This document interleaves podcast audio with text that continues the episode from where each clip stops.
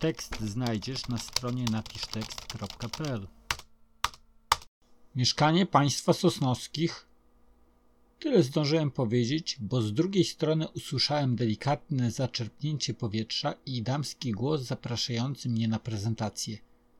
W tym miejscu zaznaczę, że kocham rozmowy z akwizytorami, telemarketerami, osobami zbierającymi środki finansowe na szczytny cel oraz innymi pukającymi do drzwi lub kontaktującymi się telefonicznie.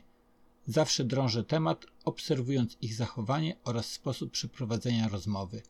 Badam ich przygotowanie, często nawet je komentując, pozytywnie lub udzielając wskazówek. Wróćmy do rozmowy.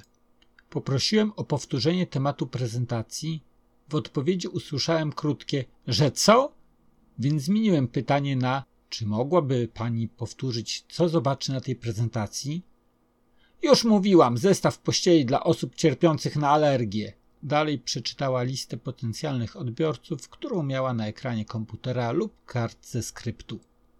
A to ciekawe, powiedziałem. Czy mogłaby pani więcej opowiedzieć o tej pościeli? To znaczy? Z czego jest wykonana? Jak to działa? Dlaczego nie gnieżdżą się w niej wspomniane roztocza? Po drugiej stronie słuchawki zapanowało milczenie. Po chwili nerwowy damski głos odpowiedział: Tego dowie się pan na prezentacji.